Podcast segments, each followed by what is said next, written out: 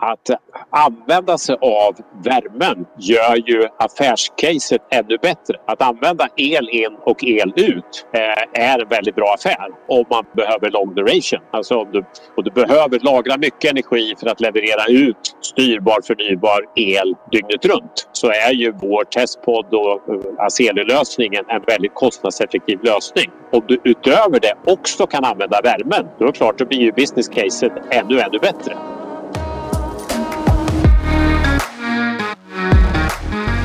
Hej! Du lyssnar på Antilop Podcast och eh, jag pratar med Jonas Eklind den eh, 21 december. Det är en tisdag och eh, ni har faktiskt precis släppt en pressrelease om att leveranserna har börjat både till Weeby och till Abu Dhabi.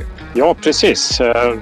Det är ju dels en, en utökning av det projekt vi redan har installerat i Abu Dhabi ihop med Mastar för att få dit våra senaste och volymproduktionsutförande enheter av testpodden och sen då leveransen av det kommersiella projektet till eh, farmen i Sydafrika, Weeby. Det står i pressreleasen att eh, ni, eh, ni helt enkelt inleder leveransen dit. Det ska ju vara åtta enheter totalt och ni inleder det här den, den 29 december. Um, betyder det här att de här åtta, alltså är det meningen att alla åtta ändå ska levereras på några veckor till exempel? Eh, eller är det en, en längre period som, eh, som man eh, eh, drar igång projektet på? Nej, det är inte en lång period och varför vi inte skriver exakt det beror ju på den problematik det är i världen med transporter och utrymmen och, och allt vad covid har ställt till med när det gäller just utrymmet för att säkra transporter. Ja, Men, hur, hur, funkar, hur funkar det med, med omikron? Är det, är det ni som ändå åker ner och hjälper till med leveransen eller eh, installationen eller fixar de det själva? Eh, vi kommer ju behöva hjälpa till. Sen exakt hur mycket vi måste göra på plats är väl nästa fråga som också måste hanteras utifrån eh, Eh, utvecklingen av, av, eh, av covid. Men vi har ju egen personal på plats. Eh, vi har ju samarbete med de tekniska firmorna som ska leverera solceller och den elektriska infrastrukturen.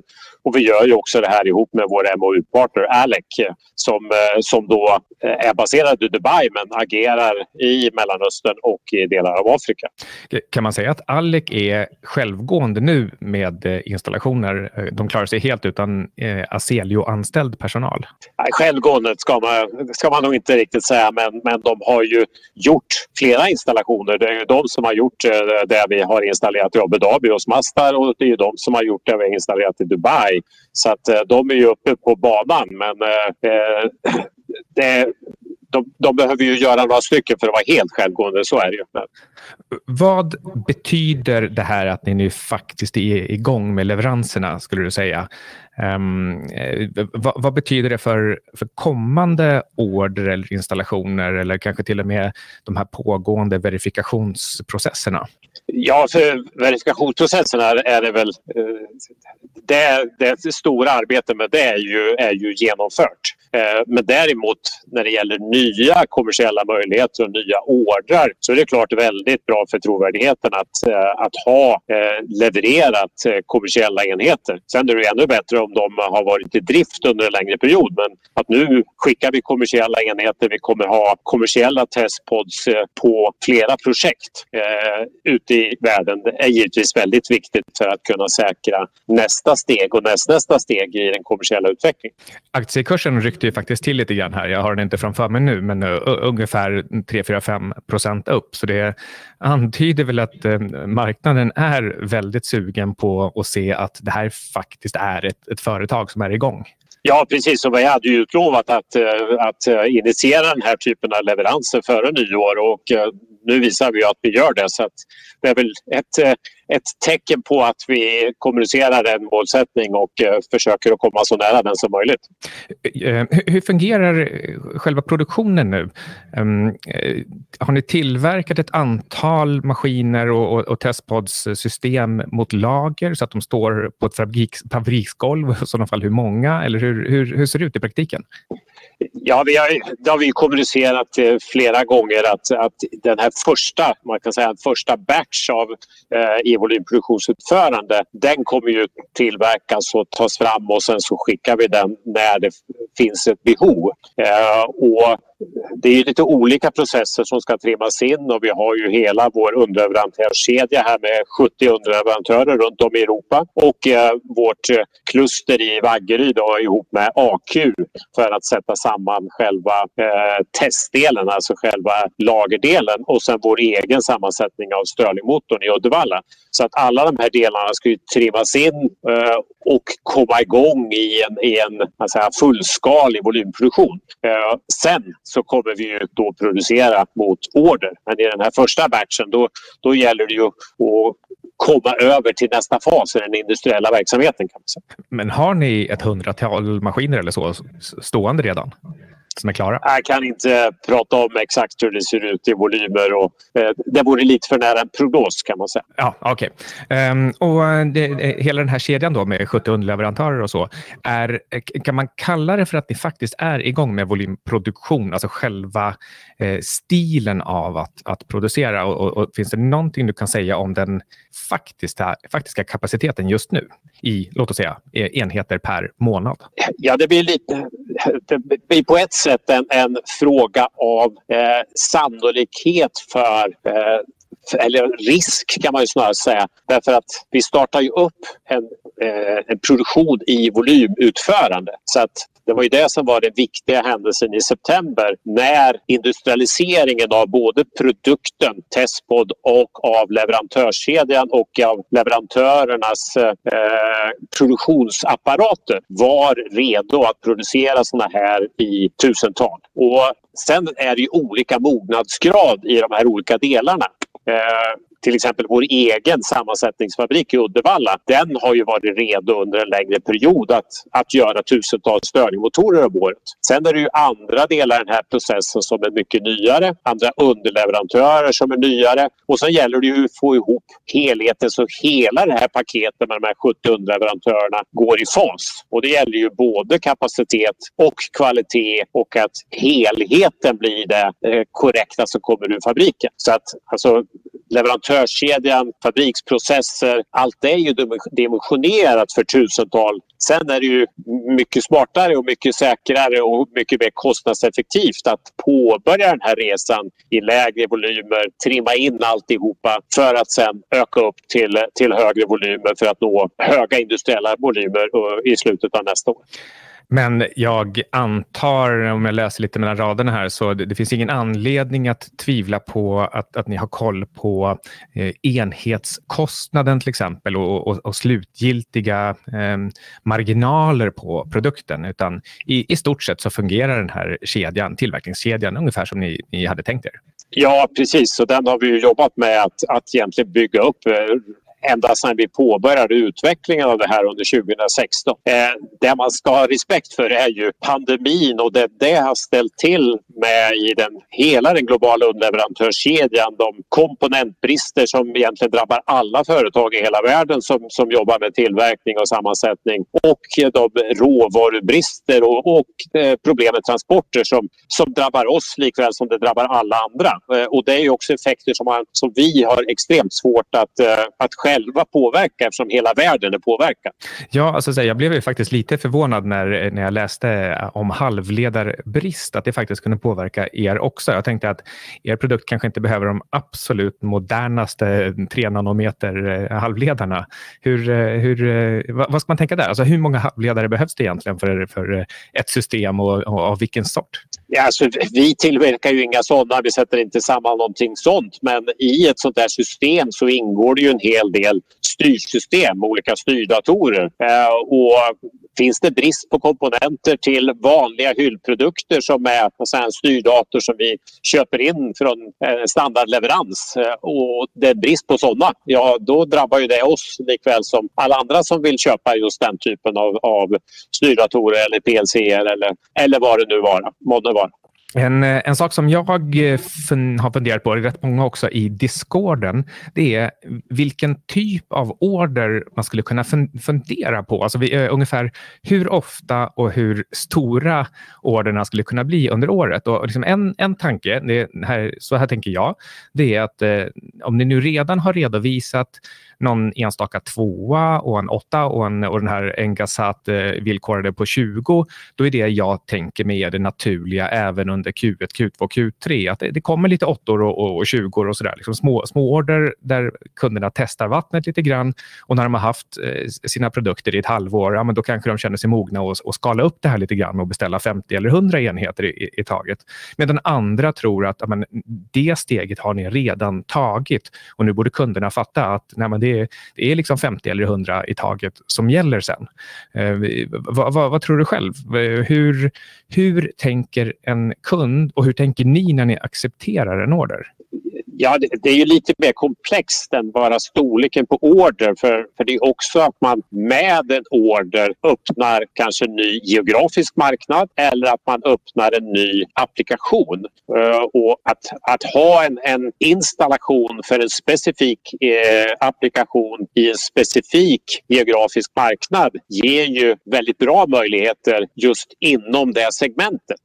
Sen är ju alla kommersiella installationer givetvis viktiga för alla typer av ordrar. Men de är ju ännu viktigare om man kan öppna till exempel ett specifikt land eller en specifik applikation. Så att, eh, det är ju flera avgörande där. Men, men som vi har kommunicerat hela tiden så är ju vår här, normal eh, affär någonstans mellan 50 kilowatt och 20 megawatt. Det är ju det som är vårt fokusområde. Då, sen då, då... I, upprampningen, I upprampningen så måste det ju ske på ett annorlunda sätt och sen kan det vara avvägan att ja, men det här är en marknad där vi behöver ha en installation eller det här är för en applikation där vi gärna skulle vilja ha en första installation för att visa upp. Mm. Eh, då, då, tycker jag, då låter det lite grann som att eh, min approach med att det mer är, man är i vänstra svansen på normalfördelning och man, man plockar in nya länder, nya områden, eh, nya, nya branscher och varje gång man gör det så är det mer naturligt för kunden att göra en ganska, i mina ögon, då, ganska liten order. Alltså ungefär sådana som man redan har tagit. En, en, en åtta eller en, en 20 och eh, sen är den marknaden och den eh, branschen eh, citat då, öppnad och då, då, då, det, då finns det bättre möjlighet att andra kunder kan beställa lite större order direkt. Men, men, ja. men totalt sett så blir det här ju då, eh, det kan strösslas ut små order i början och sen det, ja, men det, då, då, är vi framme i, i, slutet på 2022 istället då den riktiga volymproduktionen ska börja komma igång och då kan det börja komma lite större order. Ja, vi ska ju, vi ska ju upp i, som du säger, riktig volymproduktion eller i, i, i höga volymer i slutet av året. Och då måste vi också säkra ordrar för det och vad, vad är bästa strategin fram till de stora ordrarna. Och, och ska man ha eh, en stor ordervolym så, så blir det ju på något sätt omöjligt att bygga upp den volymen med väldigt, väldigt många små ordrar. Så på något sätt så måste man också ha eh, lite storlek på ordrarna om volymerna ska bli större. Marknaden verkar ju väldigt orolig tycker jag, särskilt med tanke på hur väl ni har hållit eh, tidsschemat, inte minst med tanke på den här eh, covid-pandemin. Ehm, men eh, du låter ju verkligen inte det minsta orolig. Det låter som att ja, men det, här, det här tåget det här går i tid. Det är bara det att de flesta verkar ha missuppfattat exakt när det tåget ska gå och det, det går ungefär i Q4 2022.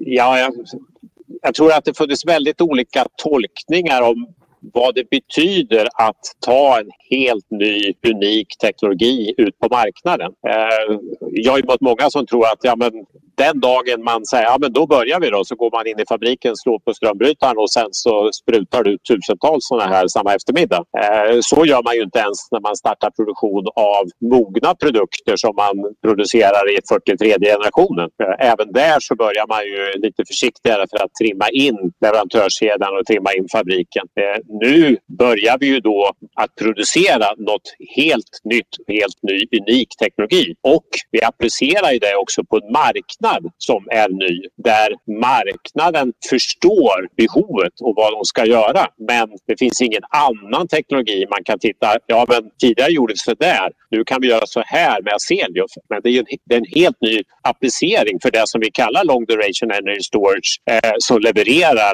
alltså baskraft och i vårt fall som levererar distribuerad baskraft left. Den enda, tillgång, den enda tillgängliga teknologin för det tidigare har ju varit DC-generator. Eh, och det är någonting helt annat än att leverera eh, styrbar eh, planerbar förnybar energi dygnet runt. Så även marknaden måste ju förstå hur det här implementeras eh, och, och, och, vad vilka krav som ställs runt omkring.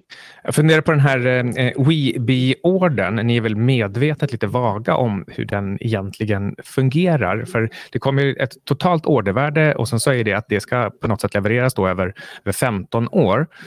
Fanns det en, en upfront-betalning och sen är det ett maintenance-kontrakt? Eller är det en, en ren som, nästan leasingmodell?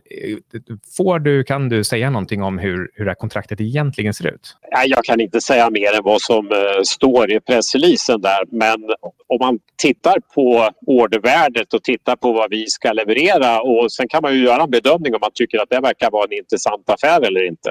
Ja, den ser ju extremt intressant ut tycker jag, för det är ett klart högre värde per enhet totalt sett. Och även om man använder någon typ av diskonteringsränta över den här tiden så det är fortfarande ett väldigt bra pris. Men, men däremot så är det intressant för investerare och analytiker att fundera över eh, vad, vad kassaflödet är i, i, den, i den korta tiden. Men som sagt, du kan inte, du kan inte säga någonting om det. Men, men, men däremot kassaflödet.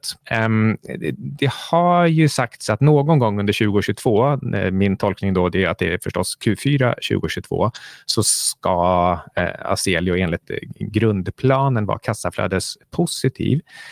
Hur, hur många enheter behöver man egentligen sälja eller vad är det för parametrar som gäller för att vara kassaflödespositiv under ett kvartal? Ja, det kan jag inte kommentera överhuvudtaget men eh, där får man läsa vad jag redan har sagt i kvartalsrapporten och, eh, och i, i, tidigare kommunikation. Så, så kan man dra slutsatser ut, utifrån det som vi har kommunicerat skriftligen. Ja, och, och, om man skulle uttrycka på ett annat sätt.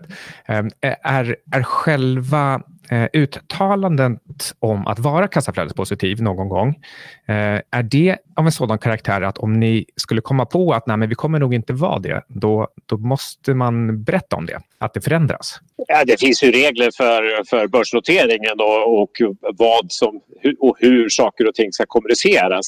Sen är det ju en löpande bedömning. Hur snabbt vill man växa? Vad är de kommersiella möjligheterna? Hur ska bolaget tas framåt? Det är ju så att säga en helt annan bedömning som ja, ledningen och styrelsen och, och huvudägarna gör löpande. Så att, eh, det är ju inte heller något som jag kan kommunicera eller Nej. kommentera för det ligger utanför mitt mandat till och med. Ja, och det är dessutom så att det, det, det skulle vara egentligen bara oerhört positivt om ni växer fortare men inte kassaflödespositiva just det kvartalet om du frågar mig. Eh, vi, vi, har den här... Eh, nu ska vi se här. Ni har eh, nyligen anställt till exempel Lars Murgård som kommer från Jaguar och Volvo Cars som ny utvecklingschef. Eh, vad, eh, vad ska han göra? Ja, det är ju, I grunden är det ju en ersättningsrekrytering för den utvecklingschef vi har haft i Annika Nissen som nu går vidare till, till en tjänst som vd i ett annat bolag. Eh, och eh, han leder ju utvecklingsarbetet och det är ju både den mer kortsiktiga eh, teknikutvecklingen för att eh, säkerställa funktionen på det vi levererar eh, snart. Det är, eh, I Discorden så finns det en del som eh, de ligger upploggade mot lite olika såna här eh, eh, arbetsannonssajter och det verkar ju spruta in ny personal, inte minst i, i Vaggeryd. Vad, vill, du, vill du säga någonting om det? Ja, det jag skulle säga innan jag var tvungen att hosta lite var ju att eh, han också givetvis leder det mer långsiktiga utvecklingsarbetet för att ta fram nästa generation av eh, vår eh, testbot. Eh, sen håller vi ju på att bygga upp ett, ett kluster i Vaggeryd där vi tillsammans med AQ som gör monteringen av, eh, av testdelen och andra alltså leverantörer. Själva, själva energilagerdelen alltså? Ja, själva energilagerdelen. Vi gör ju Stirlingmotorn. Eh, AQ slutmonterar själva eh, lagerdelen.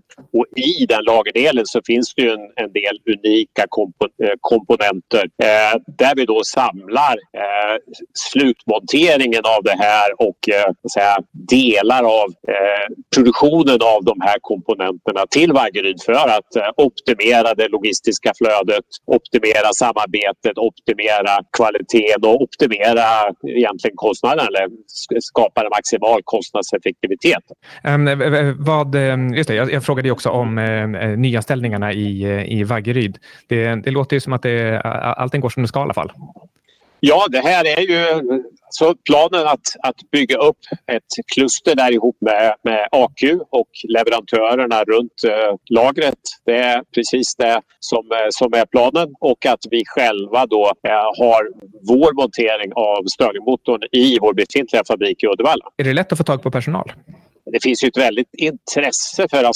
Så att, eh, sen är det ju ett, eh, så här, det är en tuff konkurrens om, om eh, teknisk personal eh, nu i Sverige. Eh, det, det, är ju många företag som letar avancerade tekniker men, men vi har ju sett att det finns ett väldigt intresse av just Aselio och just det vi gör. Jag menar, vi, vi är ju ändå här för att bygga något väldigt roligt tekniskt, väldigt roligt kommersiellt och samtidigt rädda världen. Så att, eh, det är ju ett uppdrag som, som lockar väldigt många.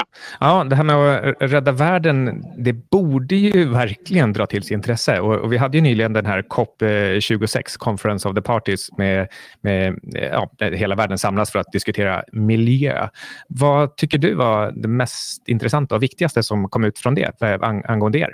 Ja, det blir ju extremt tydligt att utan riktig energilagring så kommer man ju inte vidare eh, i eh, övergången från fossil till förnybar energi. Jag var ju själv med i en paneldebatt under COP26 eh, och jag framförde ju det att man har ju lite glömt varför fossil energi har varit så framgångsrik. Ja, det beror ju på att det är lagrad energi där du både planerbart och styrbart kan frisläppa energin och få energi när du vill och var du vill. Det är ju det är själva grunden varför fossil energi har varit så framgångsrik och eh, förnybar energi har fått stå tillbaka. Och om man inte kan kombinera förnybar energiproduktion med planerbarhet och med styrbarhet, ja då kan man ju inte ersätta fossil energi. Eh, och det här mottogs lite grann i publiken som att ja, men, oj, det här var en nyhet, det har vi ju inte tänkt på förut.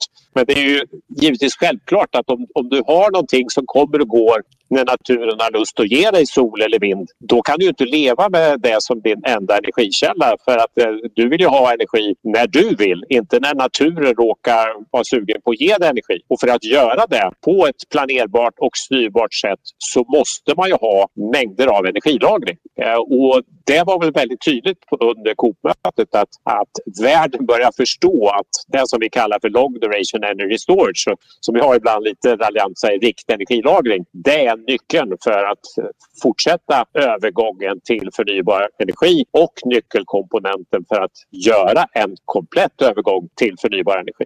Ni var ju också med och startade den här organisationen för energilager med 25 eller om det var 26 eh, medlemmar.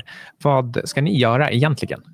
Ja, det här är ju ett council där vi tillsammans med flera andra teknikleverantörer tillsammans med Bill Gates eh, investeringsbolag eh, Breakthrough Energy eh, tillsammans med Siemens Energy, Alfa Laval eh, och flera andra har format ett council för att egentligen eh, skapa ett underlag för att eh, skapa förståelse för vad long duration energy storage är för någonting. Eh, och vi lanserar det här councilet på eh, COP26 och fick ju ett enormt genomslag och ett enormt intresse. Eh, och sen så har vi ju då också tillsammans med Councilet och eh, McKinsey tagit fram en, en första rapport om eh, behovet av long duration energy storage och den framtida vägen mot ett fossilfri energisystem. Och den här rapporten finns gratis att ladda ner på Long Duration Energy Storage Councils hemsida, ldscouncil.com. När jag tittar på, eh, på en aktie eller ett bolag, då brukar jag ofta försöka fundera över när kan det komma väsentliga nyheter? Inte vad nyheterna ska innehålla, och det får du definitivt inte säga någonting om, men däremot när det kan vara dags för någon, någon slags information. Eh, kan du säga någonting om timelinen, en, en förväntad timeline under 2022 vad gäller till exempel ja, men ta, ta verifikationsdata? Ni har, det är ju allt väsentligt gjort säger du. Men, men kan det komma ut ett nytt white paper eller kan det vara så att man man meddelar att ja, men nu, nu har det här systemet kört i 18 månader och, och, och det, då är det eh, ännu, ännu bättre data. Eller vad, vad kan man tänka sig? Eh, hur, hur, hur ser 22, 2022 ut? Vad ska man hålla utkik efter som, eh, som extern investerare? Ja, vi fortsätter ju på den kommersiella resan här och det betyder att vi kommunicerar givetvis redan tagna order när vi levererar och installerar och när vi driftsätter sådana givetvis när vi tar nya ordrar och vad som händer runt om. Eh, och vi gör andra nya samarbeten eller vi öppnar nya länder, nya applikationer. Eh, och givetvis eh, när det gäller verifieringen och som jag sa tidigare så, så har vi ju det stora verifieringsprojektet ligger ju bakom oss. Vi levererar ju ett white paper här för några veckor sedan där vi då har samlat eh, omfattande data eh, som vi också har då levererat till, till DNV som eh, ett eh, verifierings och valideringsorgan. Eh, och eh, ett nästa steg där det är ju att eh, DNV har färdigställt sin analys av data och färdigställer en, en tredjeparts valideringsrapport om, om vår teknologi. Och, ja. Mm, och, och, vad kan man förvänta sig utifrån då, som jag som bara läser pressreleaser? Kommer jag få se en pressrelease om det här?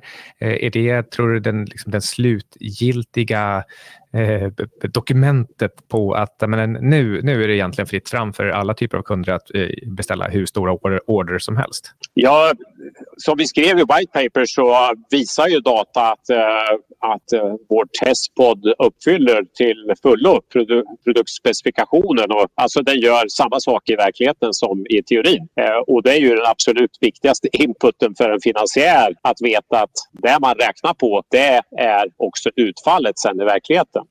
Och för att ha ett bevis på det så behöver man ju då en tredjepartsvalidering och en tredjepartsgenomgång av de här data där någon annan än vi eh, säger samma sak. Eh, och eh, när vi har eh, den här valideringsrapporten från DB klart kommer vi givetvis att pressmeddela det. Sen, sen har vi ju inte rätt genom avtalet med DV att, att sprida det här hur som helst och till vem som helst. Utan det är ju till kunder och till kunders finansiärer som ska använda den här rapporten. Ja, just det, det sista det tror jag faktiskt är ganska viktigt för att en, en del eh, har funderat över just varför inte deras rapporter eh, sprids, i alla fall inte i någon liksom nämnvärd eh, detalj. Men det, det, är bra att veta att eh, det ju faktiskt är egentligen hemlig information. Ja, alltså Alltså, det som står i rapporten det kommer ju inte vara jättehemligt för att det mesta av det har vi ju redan publicerat i White Paper. Varför vi inte kan släppa rapporten det är ju därför att DNV inte vill släppa ut sina arbetsmetoder till, eh, till allmänheten. Eh, de, de är ju ett organ som ska göra tredjepartscertifieringar. Om eh, hela världen vet då exakt hur de normalt gör så eh, ja, då blir det inte riktigt en tredjepartscertifiering. Eh, utan de vill ju hålla sina metoder och sina arbetssätt för sig själva. Eh, så därför har ju vi inte rätt att eh, släppa ut den här rapporten mer under kontrollerade former, under tystnadspliktsavtal och till de som behöver den, det vill säga våra kunder och eh, i vissa fall våra kunders finansiärer. När det gäller själva produkten, då är den ju i grund och botten så värmer man upp en aluminiumklump och sen när man har, vill ha ut energin ur den, då låter man den driva en, en Stirlingmotor och då får man ut elektricitet med en, en, en viss eh, effektivitet. Eh, men det blir ju massa värme också som går att använda till någonting. Det är, det är faktiskt mer värmeenergi än elenergi. Och ni har pratat om att produktifiera den där värmekomponenten, tror jag. Alltså lite liksom, mer tydliggöra för kunder vad de kan använda den till. Eh, kan det här vara någonting som man får se mer av under 2022? Ja, definitivt. Eh, vi har ju produktifierat eh, värmefunktionaliteten. Eh, vi har ju det som en del av vårt erbjudande. Vi har ju fått ett enormt intresse för att utnyttja värmen. Och vi har ju till och med sålt projekt, kommersiella projekt där värmen ska utnyttjas och där värmen är en, en, en huvudkomponent varför kunden har beslutat att köpa vårt system.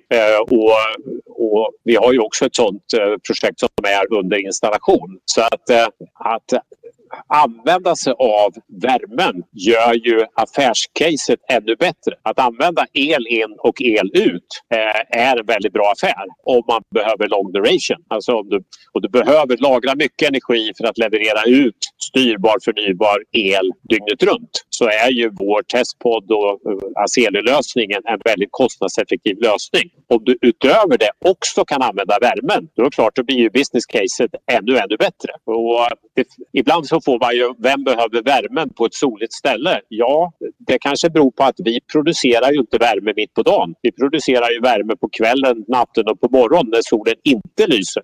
Eh, och då finns det ju väldigt många applikationer som behöver värme. Och det kan ju vara värma hus eller värma vatten men väldigt intressant är ju att värma växthus, eh, olika eh, tillämpningar inom jordbruk men också tillämpningar inom vatten. Både att använda vatten för eh, att eh, öka verkningsgraden och, och, flödet i reningssteg eh, eller för att driva exempelvis avsaltningsanläggningar. Så att eh, intresset för, för värmekomponenten i vårt system är faktiskt väldigt, väldigt, eh, väldigt stort.